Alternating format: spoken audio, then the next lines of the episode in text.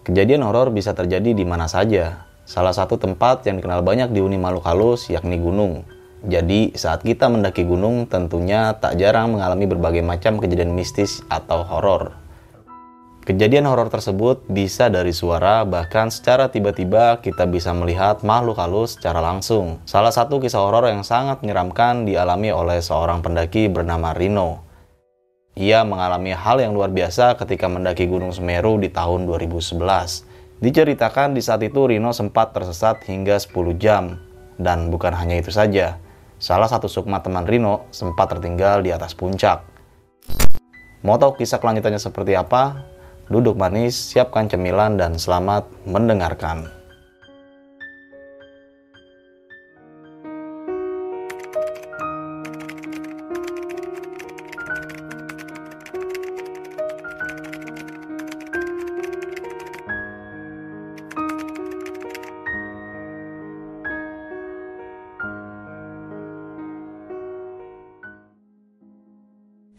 Selamat malam Bang Rino. Malam, malam. Apa kabar nih Bang Rino? Baik dong. Sehat, always, Bang, ya? always good. Always ya good. Udah lama banget nih gak ketemu hampir setahun Bang ya? Iya, 2022 kan 2023. 2003 bener Bang udah setahun. Setahun. Setahun. Nah, terakhir itu kan sempat cerita di Gunung eh, Raung. Raung sama Gunung apa? Selamat. Selamat ya. Itu wah gokil banget sini dan teman-teman semua yang belum menonton videonya pada saat itu nanti ada nih. Iya, soalnya emang alurnya itu nyambung, Bertahap ya. bertahap, Tak, tak, tak. bertahap. Dan akhirnya sekarang pengen menceritakan tentang pendakiannya di Gunung Semeru. Semeru. Wah, tapi sebelum kita masuk ke cerita kayak gitu nih, Bang Rino nih sekarang udah punya usaha nih Bang. Apa tadi namanya saya Bang? Keripik jengkol uni. Keripik jengkol. Bia- biasanya kan gue emang emang ada kan toko kan di Denpasar, cuman kan karena retail lagi kurang bagus, gue beralih ke makanan. Jadi ke keripik jengkol uni, 100% jengkol. Nah, itu bisa membeli dari so- Tokopedia atau Shopee Bang ya? Shopee, Tokped ada. Oke. Nah, itu namanya apa kalau boleh tahu Bang? Namanya kalau di Shopee sama Tokped keripik jengkol uni. Di IG juga keripik jengkol uni. Oke, nanti semua lebih jelasin lagi gue taruh nih di kolom deskripsi. Iya. Jadi teman-teman semua setelah menonton video ini sambil makan keripik jengkol. Bener. ya. Lihat di IG, bener, reviewnya banyak banget itu keren-keren kok. Nah, tadi kan sedikit gue dengar cerita nih pendakian di Gunung Semeru pada tahun 2019 ini memiliki kesan tersendiri buat Bang Rino ya. Bener. Terutama ada salah satu teman dari rombongan Bang Rino ini sukmanya ini masih tertinggal di Gunung Semeru nih. Dan juga sempat disesatkan itu bukan beberapa jam lagi itu hampir 7 jam lebih nih. Iya. Nah, untuk lebih jelasnya dan untuk lebih detailnya nanti bakal diceritain sama uh, narasumbernya langsung nih. Nah, sebelum masuk ke ceritanya, kalian subscribe terlebih dahulu, like, comment, and share. Jangan lupa juga kalian nyalakan loncengnya agar teman-teman semua nggak ketinggalan video terbaru dari besok pagi. Mau nggak mau, suka nggak suka, bahwa hal gaib itu ada di sekitar kita. Tanpa berlama-lama lagi, langsung aja kita masuk ke ceritanya.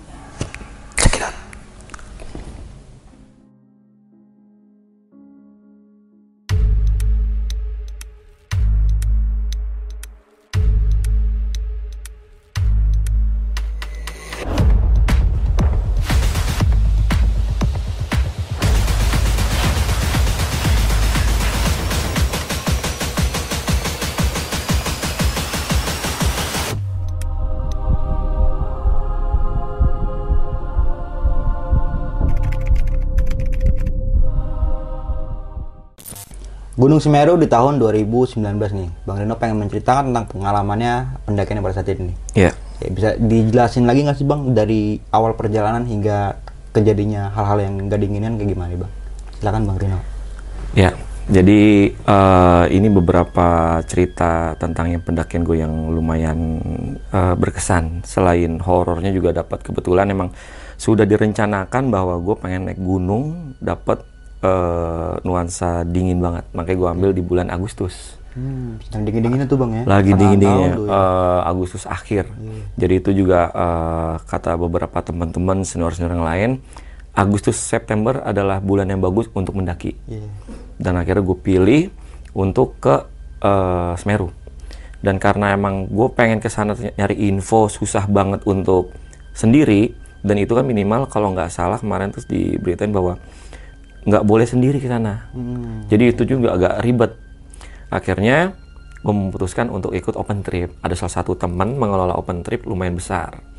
Akhirnya gue ikut open trip mereka jalan mulai gitu naik kereta dari Senen ke lewat Tumpang ya ke Malang Tumpang nah ketika berjalan itu gue jalannya itu uh, semula hal-hal yang uh, rumrah seperti pendaki yang lain masih enak lah santai jadi mulai dari tum uh, Ranupani ke Ranukumbolo itu perjalanan gue cuma 4 jam.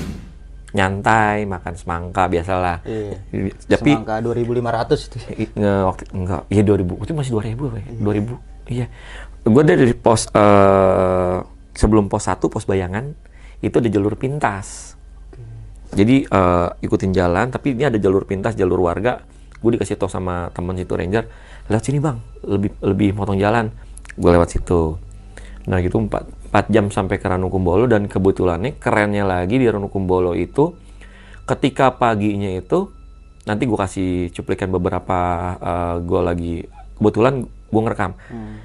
Jadi batu es gue ngerekam. Jadi inner inner eh, yang di dalamnya gue buka susah. Pas gue buka di dalamnya yang luarnya itu yang second apa eh, layernya double layernya itu jadi es batu pas gue keluar ada yang bawa itu minus 9 itu di dalam tenda gue tuh yang di double-nya di luarnya itu es batu tuh jadi gue kayak tidur di dalam eh, apa freezer Iya, iya, iya. Nah, udah gitu selesai ngomong itu kurang lebih ada 19 19 orang. Kita akhirnya kita jalan lagi menuju ke Kalimati di paginya. Habis makan ke sana.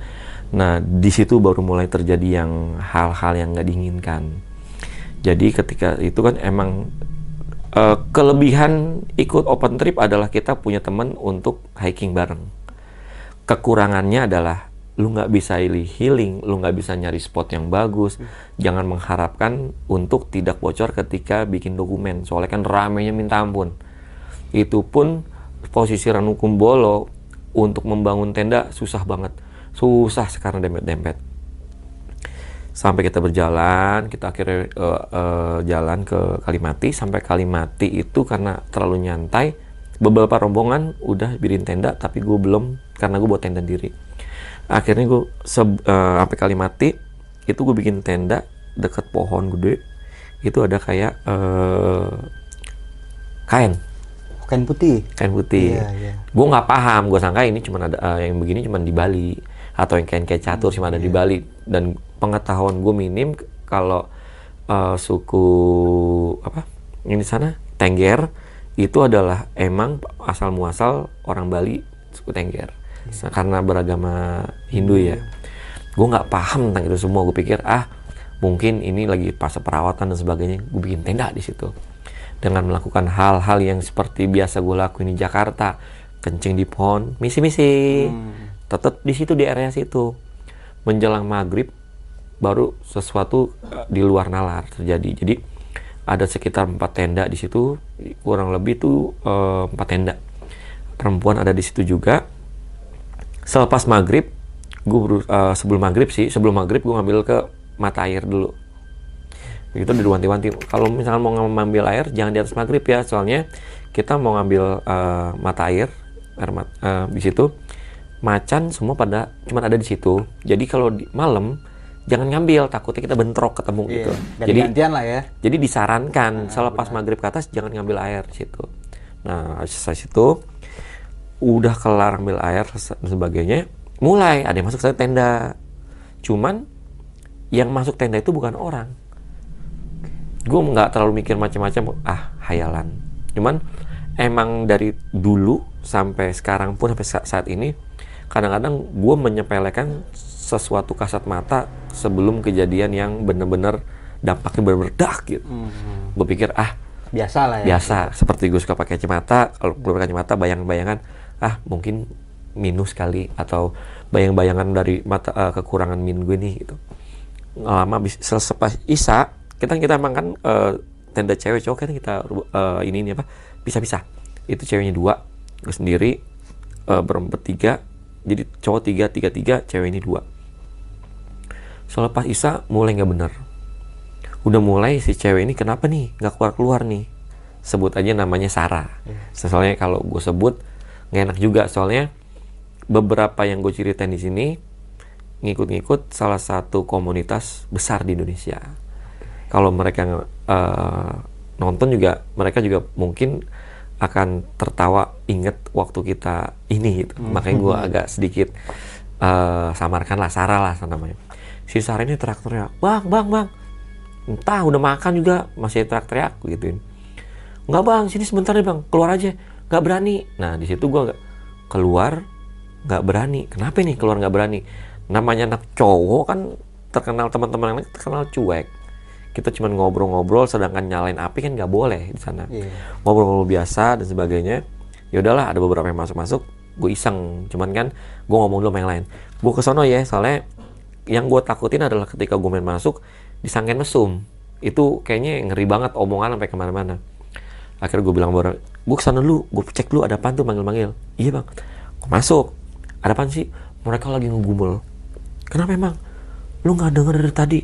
Apaan ada kunti katanya. ada kunti apaan? Bang ada kunti bang. Tadi bang pas tadi yang tempat abang tuh kencing sono nyamperin ke sini. Masa sih? Belum mati gue apa yang salah nih? Pasti ada something wrong. Yaudah gue tungguin lu di luar semua. Pas kita lagi bertiga gue, emang emang gue cerita ini nggak beres nih perempuan. Gue nggak tahu dia parno apa ketakutan. Kita tungguinnya di luar ya. Iya bang. Gue tungguin.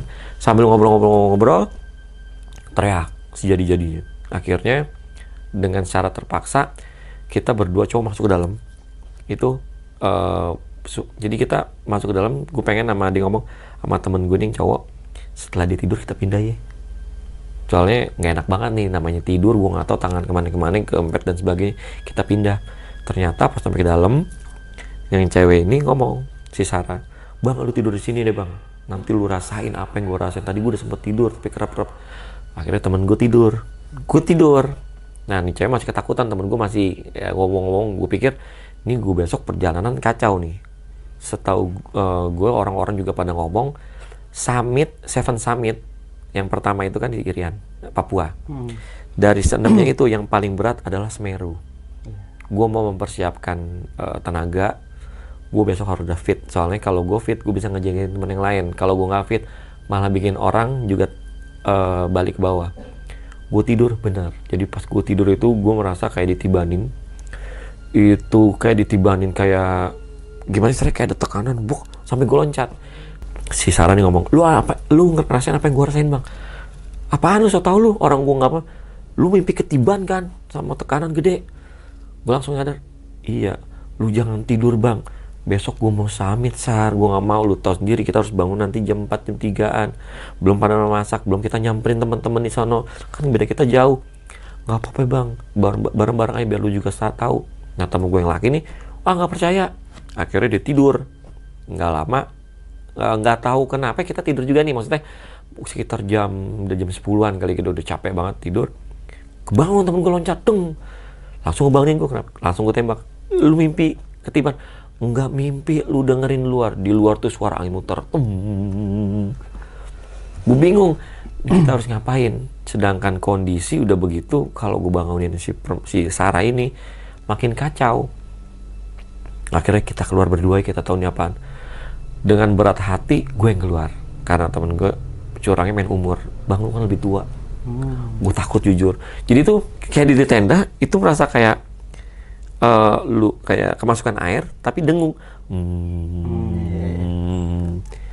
pas gue keluar itu hawanya kayak daun pelan deng, deng, deng. tapi sekitar ini kayak ada getaran magnet muterin tenda gue gue baca semua ayat yang gue bisa anas al semuanya.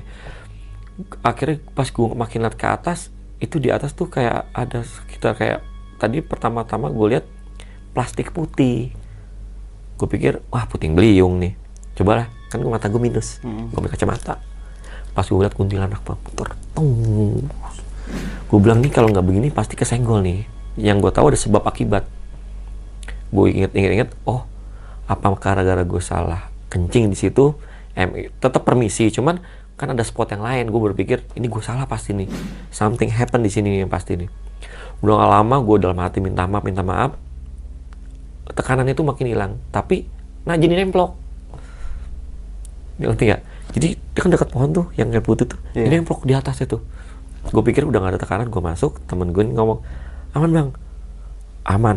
Lu gak ada dengar suara apa, -apa lagi kan? Aman. Udah tidurin aja. Besok kita lebih berat nih bakal jalan. Ketika gue tidur tak udah tidur. Bangun jam 3 pada jalan gue nggak ngasih tahu bahwa itu masih nemplok di situ ya gue nggak bilang tuh bahwa ada di situ tuh teman-teman gue tuh. Emang kan schedule-nya jam 3 harus naik. Dan ternyata di trip itu jam 3 udah naik sebelum jam 3 dibangunin untuk nyemil. Biasa dibikinin bakso. Yeah. pas gue datang nyamperin udah siap pada mau naik. Mau nggak mau kita makan dikit langsung jalan jam 3 soalnya beberapa beberapa open trip yang lain di sebelah situ banyak itu banyak yang jalan jam 1 bahkan ada yang jam 12 karena treknya yang kacau sama uh, apa sih namanya kondisi beberapa kalau di sana kan kalau seandainya uh, bawa perempuan lebih diperhatiin kan Semeru hmm. karena kan lumayan sakral sebelum kita naik kan kita selalu di briefingin yeah. ya kan di Ranupani itu sama rangernya berganti-gantian nah jalan langsung jam 3 kita di jalan di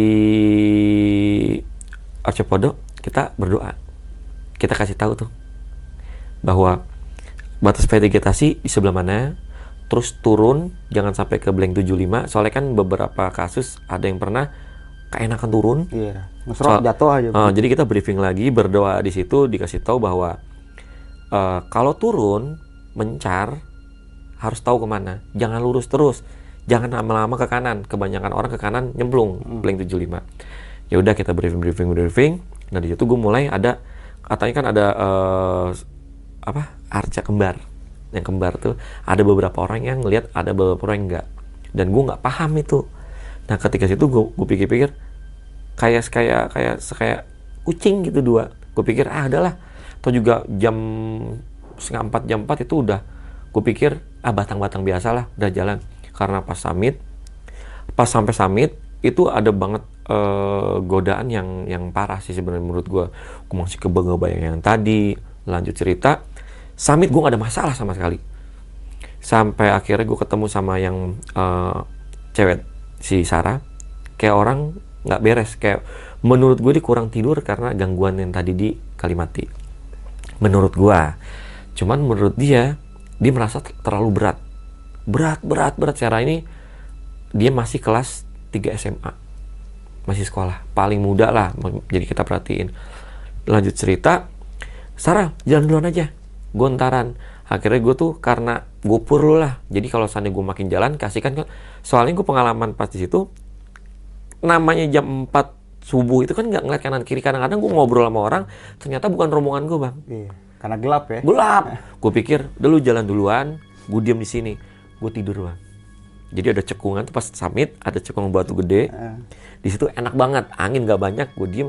Gue tidur sekitar 15 sampai 20 menit ketiduran di trek ternyata benar beberapa temen ngomong paling enak kalau dari atas batas vegetasi kadang-kadang nyantai-nyantai tidur lu. Enak tidur situ. Ketika gue bangun-bangun kaget. Gue jalan terus. Gue nemuin Sarah lagi ngeringkuk. Akhirnya dia mau minum obat pakai Pocari Sweat. Gue bilang jangan. Emang nggak bayar putih? Nggak. Gue kasih minum. Pocari Sweat gue ambil diminum. Gue nuntun dia sama ada satu lagi orang Makassar. Udah mau mati kali itu orang. Bukan rombongan gue tapi eh masih satu rombongan. Di kalau nonton pasti diinget hmm. dia orang Makassar. Jadi dia memang lagi sakit minum obat juga. Gue gotong jadi berdua. Udah gitu gue pasinin pasir kesetek. Luka gue sini gue nih engsel gue jalan jam 9 gue baru ngeliat bendera dan beberapa orang ngomong jam 9 pas di briefing gue bilang kalau bisa jam 9 semuanya turun tapi karena obsesi gue yang tinggi orang yang ngomong aja pengen gue pengen gue tonjok bang. Gue udah nyampe sini udah tinggal mau ke atas lu suruh turun jam 9 gue jalan bang. Jam 9 lewat sampai setengah 10 gue di atas.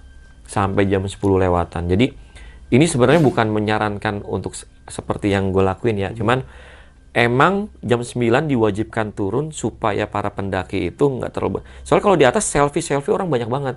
Mungkin supaya nggak terjadi kejadian-kejadian yang lalu yang katanya kalau angin berubah ke arah kita kan e, mereka memperhitungkan arah angin. Yeah. Jadi ada beberapa zat beracun yang ke arahnya ke e, area jalur pendaki. Tapi gue jujur sampai jam 10 lewat jam jam 11-an gue di atas. Gue turun. Jadi e, selama gue e, summit itu nggak terlalu banyak kejadian yang aneh. Ketika gue sampai Kalimati, gue makan sebagainya, itu kejadian ada lagi. Tenda itu padahal sepagi, dia masih berat bang, ini pinggang makin sakit bang. Akhirnya gue coba pijit-pijit, kutuk-kutuk gitu pakai minyak gosok. Jam 10 harus udah selesai ya, biar kita langsung jam 12 langsung ke Rakum. Yang mau lanjut ke Rakum nggak apa-apa, nanti kita tungguin di bawah. Yang pasti kita semua jadwalnya cuma dua malam tapi trip yang di sebelah itu sampai tiga malam karena mereka kepengen nge ngecamp lagi di Ranukumbolo. Okay. Setelah jalan terseret-seret, udah gue nggak tahu, udah tuh kayak kayak udah kalah perang dan sama-sama berat kita sama-sama tuh ber mencar jadi tinggal bertiga, tinggal bertiga, bertiga cewek satu cowok dua. Karena kan emang kalau uh, kata beberapa orang kalau lu pengen tahu sifat asli seseorang coba naik gunung. Nanti ketahuan situ antara ego dan kesabaran dites banget situ mungkin bagi mereka si Sarah ini lumayan memberatkan. Cuman kan gue sebagai orang yang lebih uh, umurnya lebih tua harus mencontohkan yang baik lah. Jalan sampai ke Rakum itu gue sekitar jam 5 ngopi sebentar ketemu sama komunitas yang besar lagi. Dia juga bertiga. Akhirnya dia ngomong bertiga satu cewek juga. Ini orang mandi gila nih. Mandi gue pikir oh hebat lu ya. Maghrib kita jalan ya. Apa kita mau buka sini nih? Gue bawa tenda gue juga bawa bang. Tapi balik aja deh. Gue ada keburu-buru nih jadwal. Oh yaudah jadi dari Rakum kita jam 6 selesai maghrib. Ketika jalan di situ mulai teror terjadi. Jadi waktu di briefing ranger tuh selalu ngomong kalau misalkan lewat 3 4 ada blok namanya Watu Rejang permisi-permisi nggak ada salahnya. Jadi ku inget oh batu rejang pas ku balik ke pos 4 semua uh, teman-teman gue tuh menyarankan kalau pas balik diam dulu aja di pos 4 enak pemandangannya. Hmm. bilangnya shoot goodbye nanti ketemu lagi. Teman-teman gue soalnya mengatakan bahwa itu candurin bagus keren banget. Oh yaudah jam satu. Di pos 4 kita jalan. Nah udah mulai gelap kan tuh. Nah ketika gue di pos 3 itu pasti waktu rejang itu ada batu. Jadi waktu lewat gue nggak nge. Nah itu gue gue center center. Nah teman gue ini yang orang Jawa Timur yang gue bilang komunitas besar ngomong, bang jadi center center. Nanti gue ceritain di bawah. Oh yaudah, gue langsung mikir apa ini tadi di briefingin. Hmm. Udah, udah nggak gue center. Selang dari situ semua kejadian terjadi. Yang lebih parahnya lagi, Kunti yang di sana nggak ada, gue pikir, oh udah sampai Ranukumbolo mungkin dibalik. Sampai situ gue ketemu sama ketemu sama empat orang tiga orang cowok satu orang cewek itu posisinya si Sarah paling depan cewek cewek cowok empat di belakang gue paling belakang. Dengan yang di tengah nyalain JBL teng. Ngobrol-ngobrol. Pas ketemu sama empat orang itu kita agak sedikit teng kaget semua. Karena empat orang ini semua berpakaian putih.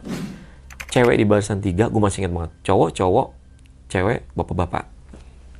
Itu kan sempit kan lu tahu kan? Sempit. Yang udah udah lewat pos 4 mau pos 3 itu kan sempit kita misi kita kita uh, kayak mengalah lah. Yeah. Iya. uh, misi misi ya silakan bu pak kita ah yang di si Jeffrey temen gue yang barisan ketiga ngomong bang nengok bang. Nggak lu tengok bang manusia bukan. Menurut gue nggak usah ditengok. Tengok gue tengok kakinya nggak ada. Mumpung masih ada gue goyak goyak kan emang kan kita posisi berhenti kan berdekatan.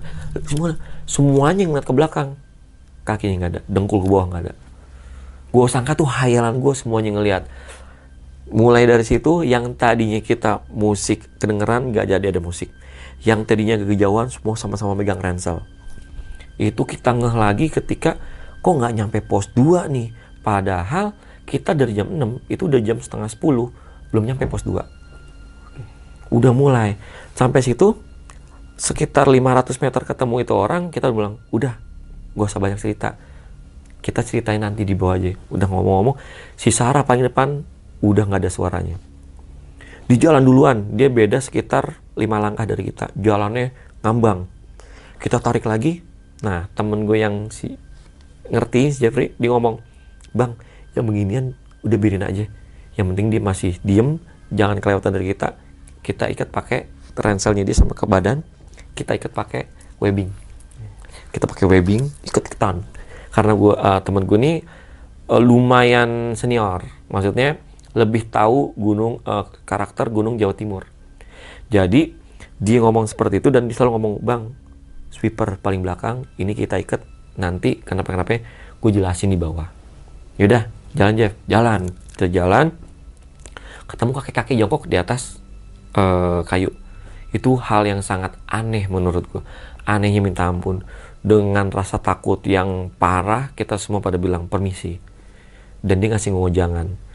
Jangan suka nyenter-nyenter ke muka orang. Langsung gue langsung jangan nyentuh padahal kita pakai headlamp itu kalau ke orang headlamp kita semua ke bawah. Gue langsung mikir something happens. Gue balik lagi sebab akibat suatu ternyata dalam hati gue nih dalam hati kecil gue apa karena gue nyentuh terjang itu kali? Karena gue emang rese. Hmm. salah gue salah banget tuh salah akhirnya yaudahlah mungkin itu gue merinding nih gue inget banget situasinya itu nggak ada pendaki yang pulang karena mayoritas kebanyakan kebanyakan open trip tuh tiga malam karena pengen nyantai lagi di Rakum. Ya. Semalam Rakum, semalam Kalimati, semalam lagi Rakum. Tapi yang uh, open trip gue ini pengen cepet. Ada beberapa yang meninggal, ada yang berapa. Jadi kurang kok uh, komunikasi sih.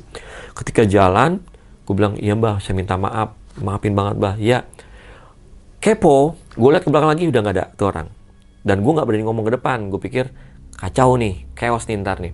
Selang lima langkah, mulai yang nomor dua dari depan cerita ngomong bang lu denger nggak di bawah gue denger tolong semuanya baca ayat-ayat yang kita uh, hafal yang tadinya pelan jadi tambah kenceng bang gamelan kan bawa jurang tuh yeah. arah balik tung dung dung dung udah nggak jelas. Nggak jelas itu bang.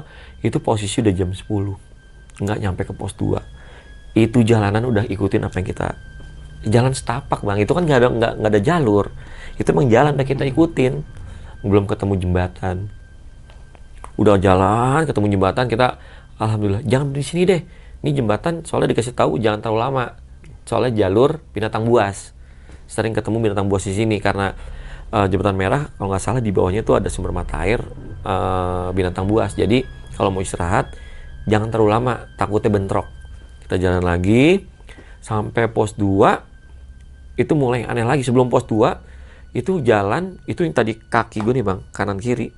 Yang tadinya sekelan nggak sekelan sampai dua-dua mati rasa. Gue sangkain gue doang yang ngerasain. Jadi tuh dari belakang sampai depan ngerasain kaki nggak berasa sama sekali ketika jalan-jalan mulai dia manggil-manggil. Jadi nih gue jalan berenam serasa ada yang mantau. Sebelah kiri kan pohon-pohon gede tuh. Ke sini kan jurang. Gue jadi ke jalan tuh kayak dipantau. Kayak ada yang merhatiin gitu bang ya? Banyak banget mata.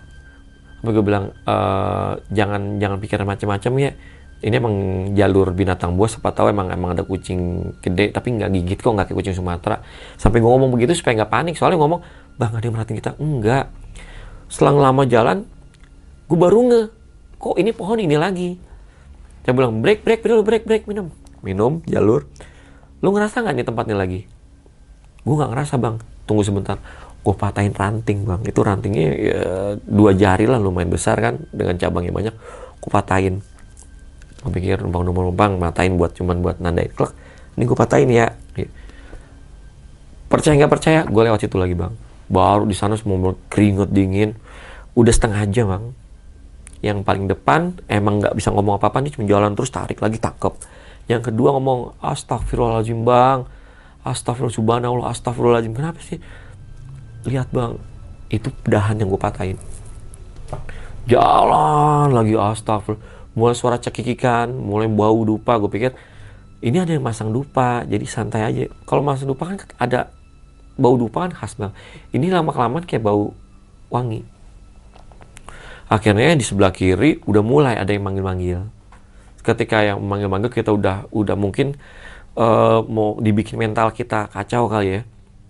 Gue bar uh, ini yang kedua kali gue ngerasain. Yang pertama kan gue pernah cerita itu yang gue dari Gunung Selamat tahun yang lalu. Gue masuk ke uh, area tuh yang uh, apa sih? Kedap suara gue terjadi di situ. Tum, panik semua bang. Break break break break break. Emang setiap panik kita pasti break. Turunin yang paling depan kita tarik lagi si Sarah. Sarah nggak apa-apa kan? Diem kita paksain minum. Nah nggak lama kita ngobrol. Bang ini gimana? Kenapa emang ini nggak ada? Lu bengong nggak? Udah nggak apa-apa. Nah gue ngeliat gue yang yang gue rasain yang pernah gue masuk ke gelembung begitu setahu gue kok yang pernah gue lihat daun juga pelan. Kan gue pernah ceritakan Iya. itu terjadi lagi. Gue lihat nih daun. Teng teng. Gue nggak cerita. Panik nih bocah-bocah slow motion gitu, slow Bang. motion yang baris ketiga cerita. Bang ini kayaknya kita dimain-mainin kita ada salah apa ya? Udah nggak usah- ngomong begitu. Udah positif thinking aja. Ini kita kecapean. Pikiran kita ke mana? Baris keempat ngomong bang perhatiin dah tuh pohon. Kok pelan ya? Dengan dengan gayanya gue yang sok meyakinkan kita kalau capek suka begitu emang Iya. apalagi kalau lapar. Udah santai aja di sini. Kita sama-sama selagi kita sama-sama nggak bakal kenapa-napa. Setelah ngomong-ngobrol udah oke kita ngeliat ke depan si Sarah hilang. Si Sarah hilang. Bingung kita langsung berlima. Sarah nggak tahu kenapa itu kan simpul. Emang temen yang, yang orang Jawa Timur jago bikin simpul. Dia kita juga di belakang. Itu bisa kelepas kita kelepas sepanik-paniknya apalagi gua yang dari awal udah ketemu pasti kan gue langsung mikir waduh nih gimana laporan ini? Sedangkan di bawah kan kita kan naruh KTP dan sebagainya kan ada laporan begini sanksinya apa nih? Udah udah wah pening banget kepala.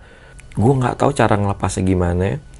Di luar logika seperti apa sampai gue nyalahin temen gue nih yang bikin simpul. Lu kan udah lu ikat lu kan lebih pengalaman karena bisa lepas bang untuk hal-hal kayak gini kita jangan main logika kita cari dulu jangan salah-salahan. Ya udah kita jalan bang dengan dengan ritme lebih cepat. Nggak ada sama sekali. Dan akhirnya tuh mulai terak. Kita lumayan panggil-panggil sedikit lah. Kita nggak teriak banget karena eh gimana ya si temen gue ini ngomong panggil semestinya aja nggak usah teriak-teriak ya. Ini juga kalau ketahuan kita juga takut bang. Maksudnya ada sesuatu yang begini yang disalahin kan otomatis yang lebih tua nih senior. Dan pertanggung jawabnya agak ribet dan kita juga punya keyakinan nih pasti Sarah masih di jalan yang cepat kita jalan itu masih kondisi lembong apa eh, dalam kayak gelembung gitu kayak di dimensi lain. Kita baca baca baca yang cewek yang satu lagi nangis dikejar-kejar emang. Sampai ditaruh di tengah ditaruh di tengah jangan taruh depan. Jalan akhirnya sebelum sampai pos 2 itu ada suara Sarah. Suara Sarah bilang jalan terus gue di depan jalan terus di depan. Kita dengar semua keren nih kita dengar semua. Nah ketika dengar suara kayak gitu sekitar jam gue ngeliat jam setengah dua belasan lumayan lama itu sejaman kita dalam kayak gelembung. Kita keluar. Jadi suara yang yang nomor tiga ini bocor. Alhamdulillah kuping gue udah udah bener. Bang bener bang tuh udah udah enak tuh Eh, daun daun. Emang emang tadi kan sempet daun kan pelan. Udah pas gitu ya wajar menurut gue sih wajar maksudnya keluar dari zona yang tadi mencekam jadi agak lumayan dia mungkin takut tuli dan sebagainya kali ya. Jadi dia agak sedikit ngomong alhamdulillah gitu. ada suara terus bang. Terus di jalur. Gue di depan. Kita semua dengar. Gue pikir ini ini petunjuk nih gue bilang. Dengar nggak suaranya? Dengar. Sar tunggu. Bang gue di depan. Jalan terus. Bang gue di depan. Akhirnya sebelum pos 2 sekitar gue sejam lagi ke pos 2 itu kan gitu kurang lebih sejam ada nenek-nenek gue pikir ini tadi kakek-kakek. Ini nenek-nenek. Ini apaan nih? Yang pertama gue adalah kaki. Lihat kakinya. Kelihatan bang kakinya bang. Kita semua ngeliat ada bang kakinya. Itu berhenti kayak kayak kita ngeliat sesuatu. Semua pada berhenti. Nenek-nenek diem aja. Tikungan siapa yang mau nanya? Udah gue yang depan. Gue maju. Nek assalamualaikum. Nggak dijawab. Nek assalamualaikum. Senyum nek ngeliat teman kita nggak sini, sini tadi gue kasih tahu eh, pakai keril warna hijau tingginya sekian rambutnya segini. Diem aja. Nah sen- eh, senior gue tuh yang orang Jawa Timur masuk lagi kedeketin gue ngomong pakai bahasa Jawa halus dasar halus halusnya karena kan gue nanya pakai bahasa Indonesia. Gue juga temen gue beranggapan ini mungkin pakai bahasa Jawa nih. Ngobrol lah ngomong pelan-pelan pelan-pelan. Sampai ngomong pelan-pelan nenek-nenek cuma ngomong pakai bahasa Jawa halus yang intinya dia ngomong jalan terus aja kurang lebih nanti ketemu dijaga jangan diikat pegang pakai tangan. Kata nenek-nenek seperti itu bilang iya nek terima kasih banyak. Dan sebagainya nenek bilang ada di- dibilang ada ini nggak beras sisa beras? Kita emang nggak punya beras eh, kebanyakan dari kita ada sisa beras di rakum kita berbagi berat. Akhirnya dia bilang oh ya udah nggak apa-apa. Nanti kalau udah beras tolong kasih di bawah ya kalau ada yang perlu. Itu masih tetangga tetangganya kita pikir oh mungkin ini warga uh, Ranupane yang lagi jalan lah. Hmm. itu pikiran kita lah. Kita nggak tahu itu udah jam setengah 12 udah jalan tapak. Nah temen gue nih yang orang Jawa Timur bilang lu nyadar nggak ini jam berapa nah gue liat jam lagi kan gue selalu pakai jam kan. Setengah 12 lewat. Lu paham gak tuh siapa udah positif thinking aja mungkin lagi jalan-jalan. Lu tahu kan ini kita lagi kesasar. Kayak nggak nyampe-nyampe udah setengah 12 lu jalan 4 jam. Orang-orang pada 4 jam udah leha-leha nyampe karena lupa nih. Yaudah gue liatin ya karena masih 10 langkahan. Gue jalan gue uh, headlamp gue matiin pakai singkat handphone pelan-pelan. Gak ada sama sekali. Nenek-nenek itu nggak ada sama sekali karena gue kurang kurang apa kurang yakin lagi gue deketin lagi sampai kelihatan lurus itu masih pengkolan gue deketin lurus lagi gue nyalain headlamp nggak ada orang sama sekali di situ gue langsung ngomong apa pun yang dilakuin sama itu nenek-nenek gue ngomong ngomong saya banyak-banyak terima kasih dikasih petunjuk Uh, semoga ini tidak terjadi apa-apa dengan tim saya. Uh, terima kasih atas segalanya. Gue baik lagi.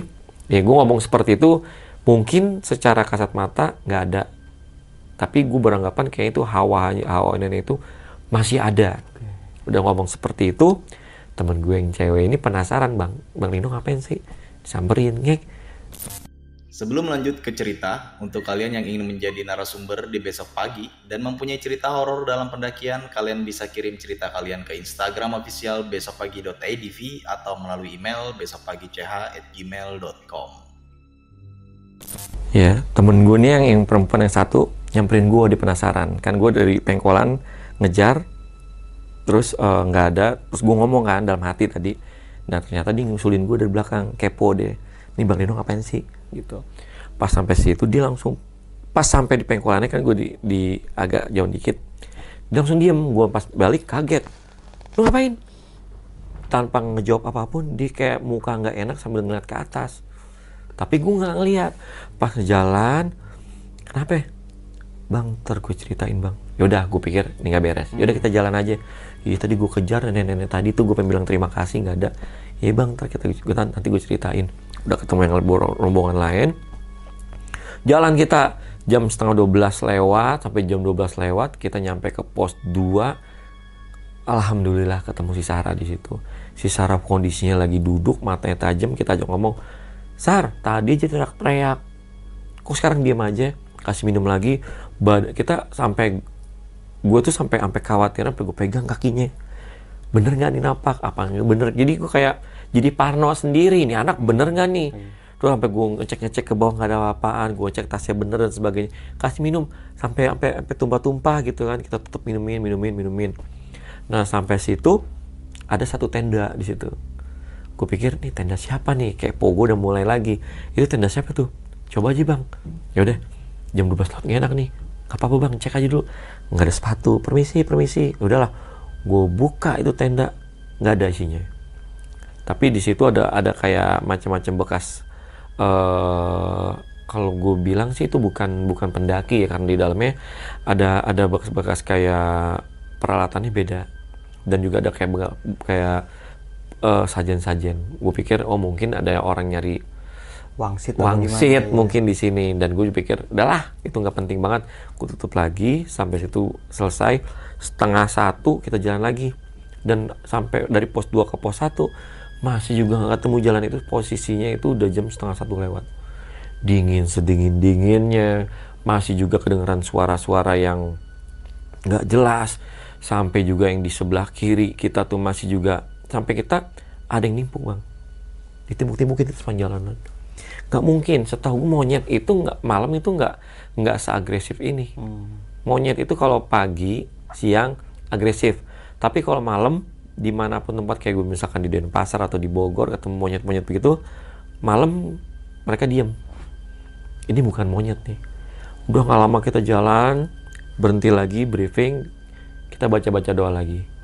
Kita baca-baca doa lagi setelah baca doa Sarah kejang-kejang dia kejang-kejang sejadi-jadi sejadi-jadi dia bilang udah mulai udah mulai jangan lewat sini tinggalin saya dia uh, saya sendiri saya mau pulang tolong jangan pegangin saya kan posisi kita pegangin kita nggak ada yang paham wah ini jangan-jangan asam lambung naik gitu. Iya. Emang kan kebanyakan kan asam lambung sama ketempel beda-beda tipis.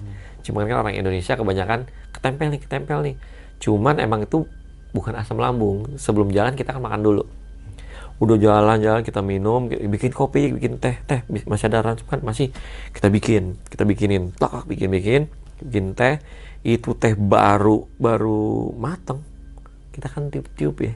Iya. Melegak langsung. Wah nih dalam hati udah nggak beres nih. Akhirnya gue panggil teman gue yang senior itu sini bang.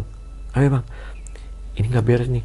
Bang ini kalau kita benerin siapa yang mau ngangkat biarin aja selagi dia di depan mata kita biarin aja jalan aja.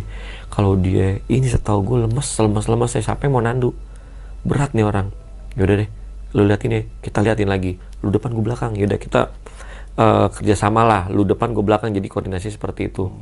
Udah selesai seperti itu muntah nggak jelas berbusa. Ini gara-gara teh kali minumin lagi minumin lagi. Akhirnya ketemu lagi nenek-nenek yang tadi nah nenek-nenek bilang akhirnya tanpa kita ngomong si nenek-nenek kan tadi di belakang kita dia baru jalan. Kalian terlalu banyak masalah di jalan. Jadi terlalu banyak hambatan. Kalian tuh melewati beberapa perkampungan kasat mata kata nenek kalian melewati perkampungan kasat mata, pegangin teman kalian.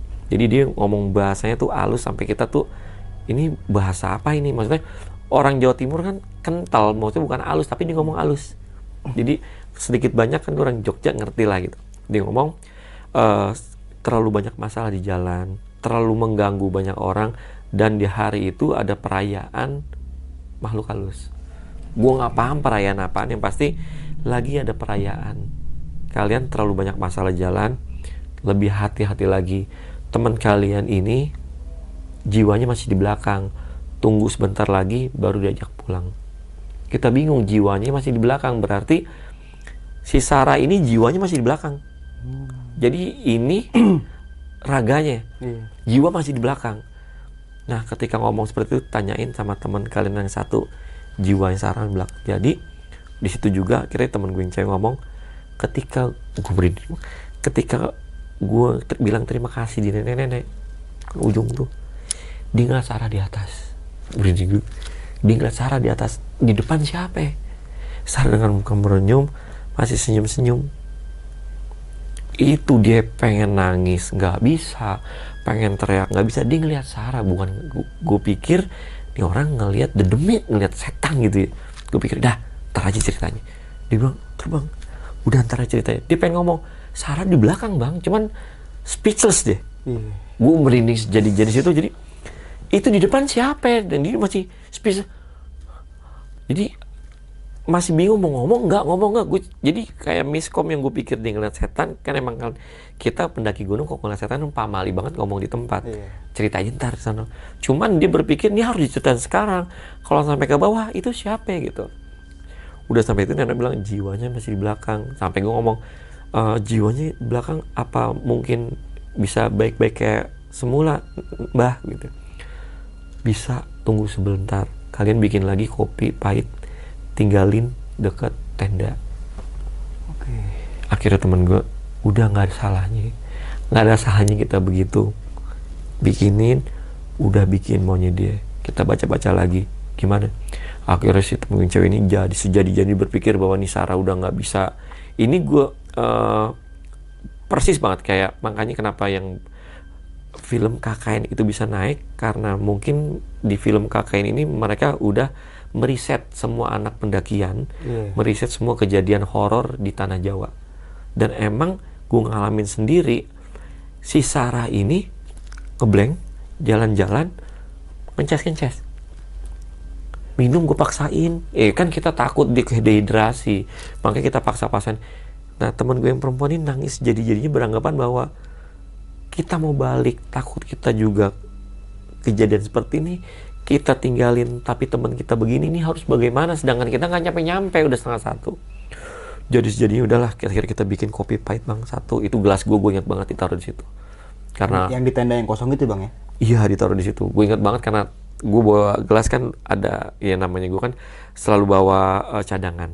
Gue ingat banget tenda gue taruh situ tak taruh selang lima menit udah kita jalan yuk Bismillah. Kita udah jalan seperti ini karena nenek nenek terakhir tadi ketika ngomong gitu cuman uh, bikin tenda eh bikin kopi pahit satu dekat tenda. Selebihnya kalian berserah aja ikhlas sama yang maha kuasa katanya. Nenek itu jalan kita sampai sampai gue penasaran kan. Gue sungkem.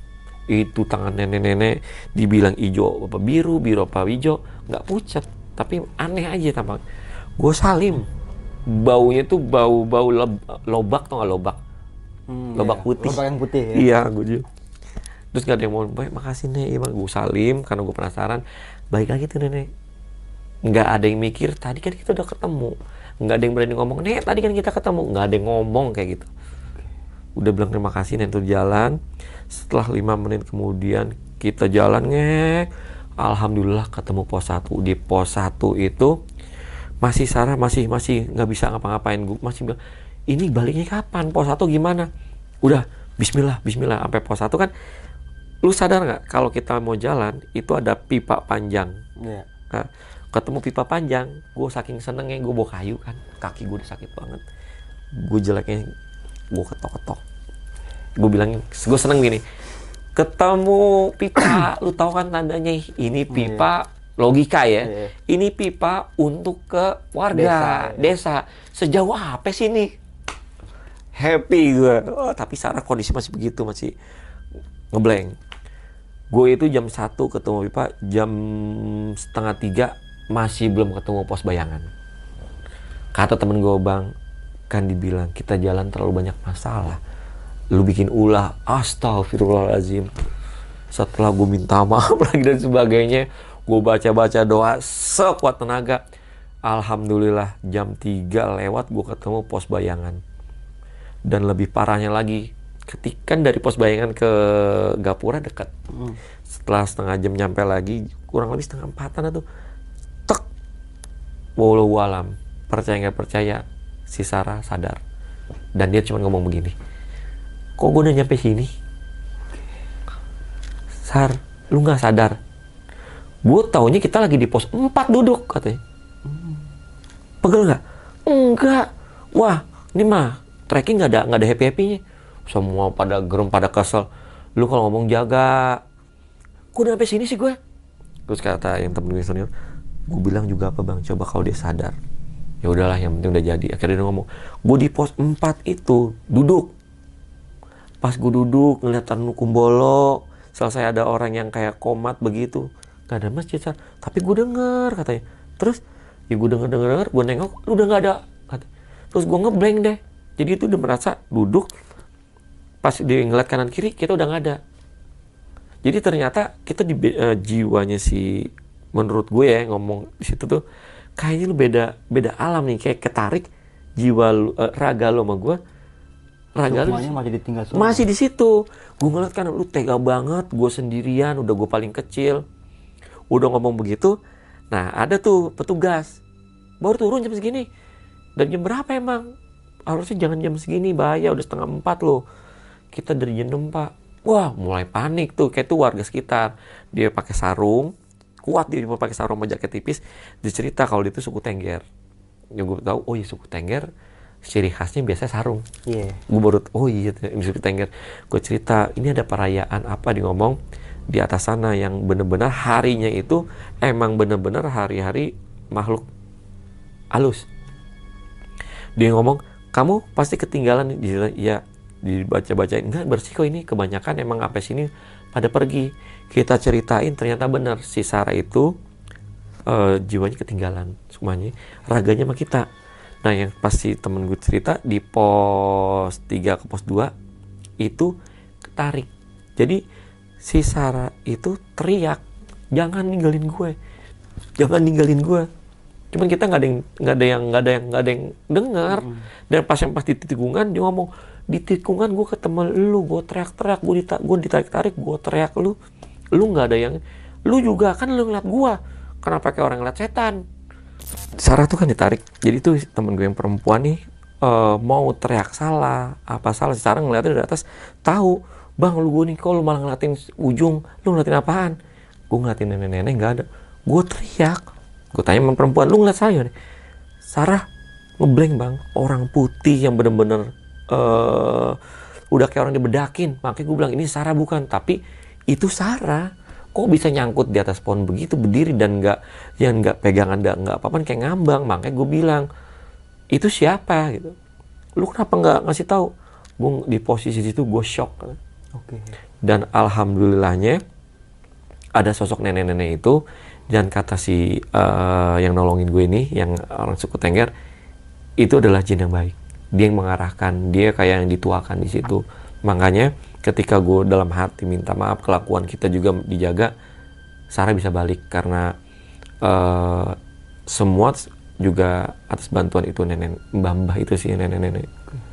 Jadi benar-benar di situ kita benar-benar shock dan lebih parahnya lagi ya keselnya itu ketika keluar gerbang si Sarah ini seakan-akan nggak terjadi apa-apa dan ya maklum ya anak kelas 3 SMA gila nggak ada asik asik ini ngutrek nggak ada rasa capek. Wah kita kesel banget di situ. Lu tahu jam 6 sampai setengah 4 itu berapa jam? Kaki kita sampai nggak berasa. Alhamdulillah situ tuh. Parah banget itu pengalaman yang kalau kita salah salah tindakan aja ya mungkin si Sarah ada kemungkinan ada kemungkinan besar nih yang kata si mas-mas kita yang di luar eh, gapura itu Sarah bakal terjebak di dalam. Oke. itu ngeri banget kalau sampai ke itu gue nggak bisa ngebayangin bilang ke petugas bahwa aduh nggak nggak nggak mau bayangin. Di luar nalar dah pokoknya tuh. Jadi orang gila bener-bener ngeblank gitu. Tapi kita amannya itu alhamdulillahnya juga nggak kepo sama kejadian gamelan. Jadi sebenarnya itu pas di gamelan cewek yang kedua ini ngilang ngomong nggak ada jalan kecuali jalan setapak tapi di saat itu ada jalan menuju ke bawah.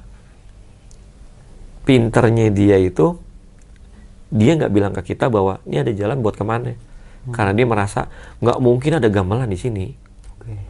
emang bener ternyata di situ sedang ada terjadi suatu keramaian suatu kayak mungkin Kayak acara perayaan perayaan, mungkin, dan dia nggak ngomong ke kita karena dari awal kita udah ngomong apa pun yang terjadi apa pun yang kita lihat yang kita alamin ceritanya ntar Hanupani jangan di sini Itulah attitude. Itulah attitude seorang pendaki, Bang. eh itu sih Iya. Kalau kayaknya udah ngeliat sesuatu pasti ceritain nanti kode di bawah ya. Kode di bawah aja iya, iya. emang takutnya panik dan nah, kan kita nggak tahu kondisi masing-masing orang ya makanya ya di situ gue sebagai yang dituakan di situ ber- berusaha supaya coba berpikir secara logika aja lah udah. Selebihnya nanti kita cerita di base camp bawah itu Dan akhirnya uh, semua rombongan bisa kembali ke rumah dengan selamat nih, Bang. alhamdulillah. Alhamdulillah. Itu. Alhamdulillah. Ketika gue sampai ke Tumpang pun di Tumpang kita kan sempat tuh setengah empat terus ada eh, karena rombongan udah pada pulang kita eh, kolektif buat ikut eh, mobil kolbak karena kan itu sayur-sayuran kita ngobrol yaudah kita kasih mau bensin satu orang 30.000 ribu sampai Tumpang kok ternyata di bawah masih ada beberapa teman-teman yang masih ya ngegabut lah cerita-cerita di atas. Kita cerita di situ wah itu heboh heboh hebohnya sampai yang jaga pun bilang ya untung aja tuh balik. Kalau enggak itu sampai ke base camp di Tumpang bakal ditanyain karena sebenarnya juga kejadian itu bukan yang pertama kali. Cuman kan ini berani gue expose berani gue speak up supaya selain edukasi untuk beberapa pendaki untuk menjaga attitude lah. Iya, benar. supaya lebih lebih lebih peka dengan alam dengan gunung. Karena pada dasarnya gunung kan bukan buat ditaklukkan. Dan kita juga harus ingat bahwa kita adalah tamu di sana. Jadi harus benar-benar jaga-jaga attitude. Kesalahan gue yang terbesar di sana adalah eh, gue terlalu memaksakan untuk eh, summit jam 10 eh jam 10 pagi itu.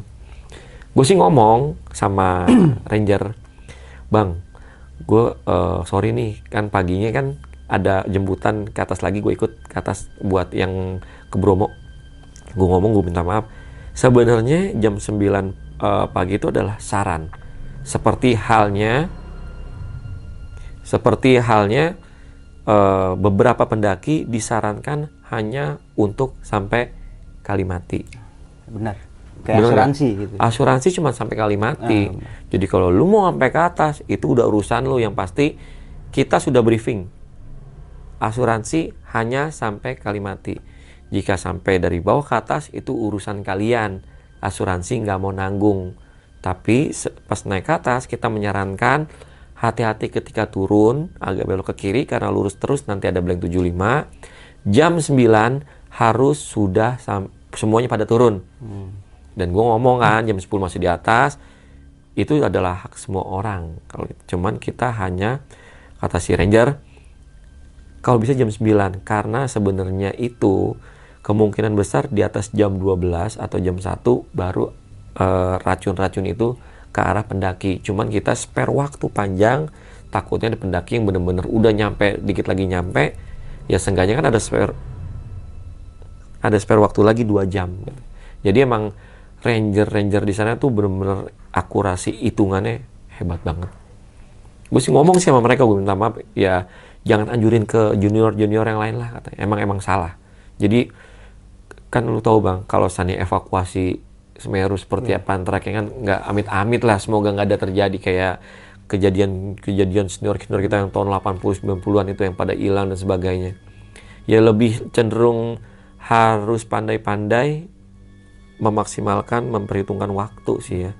Kita tahu diri ketika musim hujan kayak tadi sebelum kita podcast kita ngobrol-ngobrol lu put podcast apa summit keadaan pas lagi habis hujan tanah jadi enak Iya. pas gua kemarin lagi panas-panasnya dua kali langkah eh, Turun. turun kan Iya, tiga langkah dua langkah turun gitu kan jadi kan jadi emang emang harus bener-bener diperhitungkan Benar.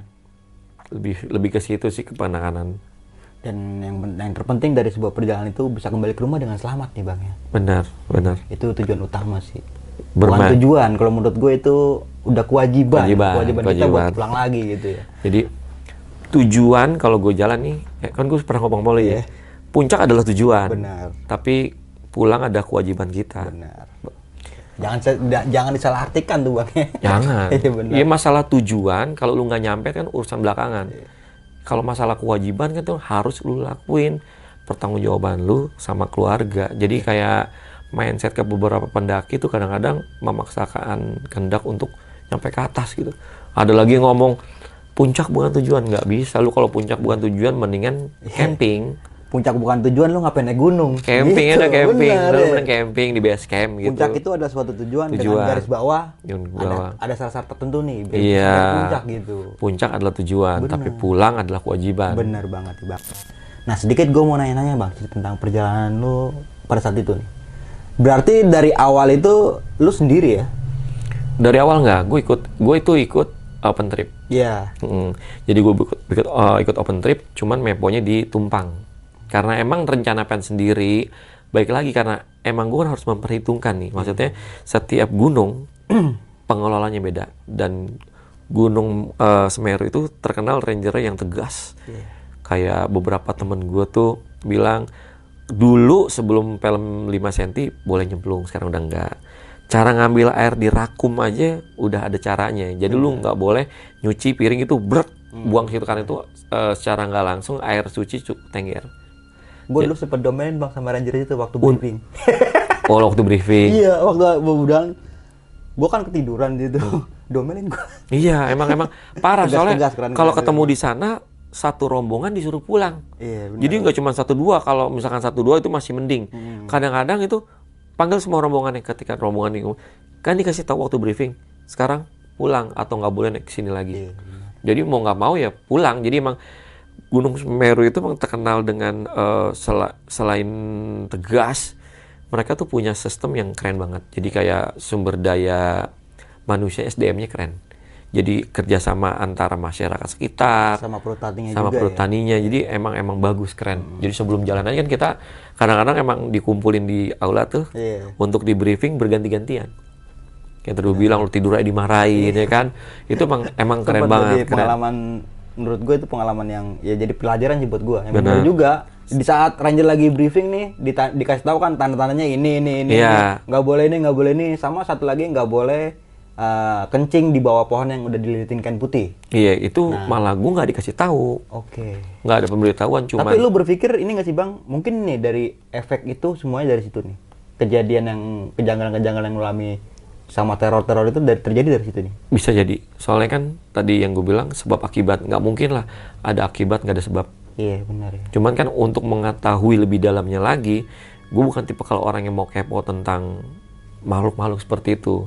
Masalah kelar, udah Iya. case close. Kalau gue makin tahu, waduh ribet lagi ntar urusan yang ada gue panjang di sana, makin tahu makin kepo. Belum lagi nanti ada beberapa setahu gue sih sepanjang jalanan ya, waktu gue di Orok Kolombo sampai ke Kalimati itu banyak banget beberapa suara yang ingin memberitahukan sesuatu dan gue nggak mau tahu. Kita ini udah berdalam. Kan gue emang gue tipe kalau orang yang ketika mendaki benar-benar menghayati kayak menikmati banget gue sendiri. Gue nggak demen tuh jalan dengan nyampah nyampah omongan teriak-teriak biar kelihatan nggak mau gue jadi lu jalan aja gue setiap mendaki selalu jadi sweeper karena apaan? Ketika lu di sana gue pengen nyantai. Gue pengen nikmatin ini momen. Beda kalau pas lagi summit atau pulang malam gue pasti nempel. Iya. Karena- itu udah beda lagi tuh ya. gue nggak mau karena karena gimana pun juga gue tamu di sini gue nggak mau nantang. Tapi ketika masih siang udah ikutin jalan aja gue nggak mau robos nggak nyari jalan ikutin jalan. Lo tau sendiri kan healingnya dapat banget. Jadi emang bener-bener enak tuh suara-suara sini bang. Tolong. Itu suara apalagi ketika gue kelongkap cerita ketika gue pup. Iya. pup mungkin beberapa pendaki juga setuju. Pup yang paling bagus view-nya adalah ketika kita pup di Kalimati. Madep Semeru. Wah anjir keren banget. Gue cari spot yang bagus. Wah kan toiletnya udah rusak. Gue cari spot yang bagus ilalang tinggi-tinggi. Gue congkel itu spotnya keren banget gila jadi gue sambil ngeliat Mameru itu keren banget Sambil ngerokok tuh bang ya. Iya itu kan ada orang nggak? Ada bang. Oh jauh. Santai ya bang, mantep nikmatin. Dan di situ aja gue dengar, gue dengar kayak bang nanti sebelum ini nanti ada Arca ke kiri. Ah, gue nggak paham. Bang, bang kayak ada suara yang manggil. Bang, kiri kayak suara yang kalau seandainya gue ikutin itu nggak gue nggak mungkin nggak bakal nggak nggak bakal nyampe ke atas mungkin ya. Soalnya kebanyakan suara-suara itu mengarahkan gue ke suatu tempat yang dilarang. Kan ada satu trek tuh yang udah nggak boleh lagi tuh yang dari dari naik ke arah klik apa ya yang ke kiri itu itu udah nggak boleh lagi. Gue diarahkan ke sana. Cuman gue pikir ini ini ini trouble nih kalau gue ke sana. Gue tetap di benang merah gue tetap di jalur gue di open trip gue tetap ko- koordinasi sama yang di depan gue tetap di jalurnya gitu. Suara-suara itu ada apalagi yang jelas itu yang pas gue di eh, dari Orok Kolombo sampai ke Kali Kalimati. Itu jelas banget suara tuh. Tapi lu masa bodohin bang pada saat itu ya. enggak gue nggak bodoh. Gue pengen healing healing. Gue nggak mau jadi ganggu. Amat dah lu mau ngomong apa juga Bodoh amat. Itu juga gue juga eh, beberapa saksi keganggunya ada beberapa kebetulan ada orang Malaysia dua orang. Dia itu tahu benar ketika waktu malam-malam sampai dia nggak mau diriin tenda di sebelah gue. Orang Malaysia ada. Dia ikut juga di trip itu. Cuman dia tahu begitu gue kasih tau cuman mending di sono deh. Dia eh, dia suami istri. Akhirnya dia agak ngejauh, dia nggak kena tuh. Gue yang gue takutin, lu nggak ngerti tentang sakralnya gunung ini, lu nggak ngerti eh, tanah Jawa seperti apa sih kulturnya. Jadi jangan ke bawah-bawah deh. Gue sampai mikir begitu. Biarin gua aja lah gitu. Iya, biar gue sama teman-teman gue kalau apa jadi enak di tangan Kalau dia kan kusut ntar. Ada. Takutnya- Kalau ada penonton di Malaysia juga tau. Ada. Orang Malaysia ikut gue dua orang. Iya. Takutnya kalau misalkan penunggu gunung itu ngikut ke sono bang bisa pulang nggak tuh ya? Yang gue takutin bukan malah itu. dia bermasalah di sini kusut. Keluarga di mana? Iya. Takut gue makanya pas dia gue ke tempat ketemu pas pulang dia langsung jalan. Cuman dikagetnya ketika ditumpang baru dia cerita dengan bahasa Malaysianya. Iya pantesan Bang Rino nyuruh kita agak ngejauhan. Kita dari jauh tau nggak Bang? Ngeliatnya di situ bener-bener nggak enak amat hawanya. Emang iya, saya di Malaysia juga ngerasain seperti itu. Makanya ketika disuruh ngejauh, Saya ngerti gitu. saya ya. ngerti dengan dengan dengan eh, apa eh, kan kalau orang sana kebanyakan dicampur bahasa Inggris ya.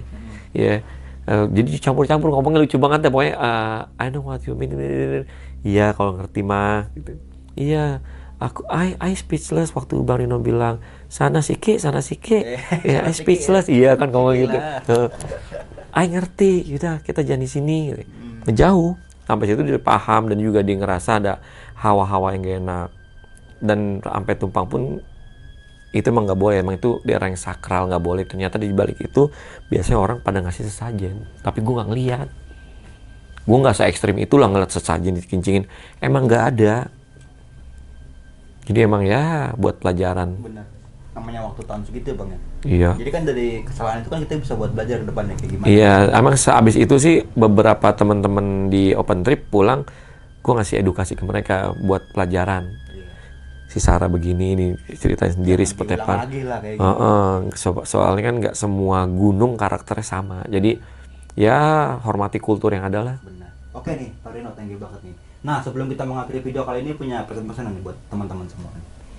ya paling pesan-pesannya seperti sama lah kayak kemarin jadi lebih menghormati kultur yang ada dan selalu tanemin di kepala bahwa kita mendaki gunung adalah tamu apa pun yang kita lihat di sana ibarat kata mereka akan di sana kita tamu jadi nggak usah beranggapan bahwa kita mau nakukin gunung dan sebagainya dah pokoknya tahu adab jaga sikap Benar banget. Dan juga melakukan pendakian dengan orang yang berpengalaman nih pastinya. Bener, jadi kalau seandainya lu mendaki semua tujuannya ke mana pun, sekarang internet udah banyak, tolong di browsing, Cari barengan nih. cari barengan. Kalaupun sendiri, saran gue, lu mendingan kalau emang nggak tahu medan dan sebagainya, tunggu di base camp, cari barengan. Karena gue tahu persis temen gue tuh yang suka mengevakuasi beberapa korban, susahnya seperti apaan, sulitnya seperti apaan. Jadi ya sama-sama menghargai lah. Nah, mungkin itu aja nih dari gua Bang Mange dan juga Bang Rino nih. Gua pamit undur diri sampai jumpa di video-video selanjutnya. Assalamualaikum warahmatullahi wabarakatuh.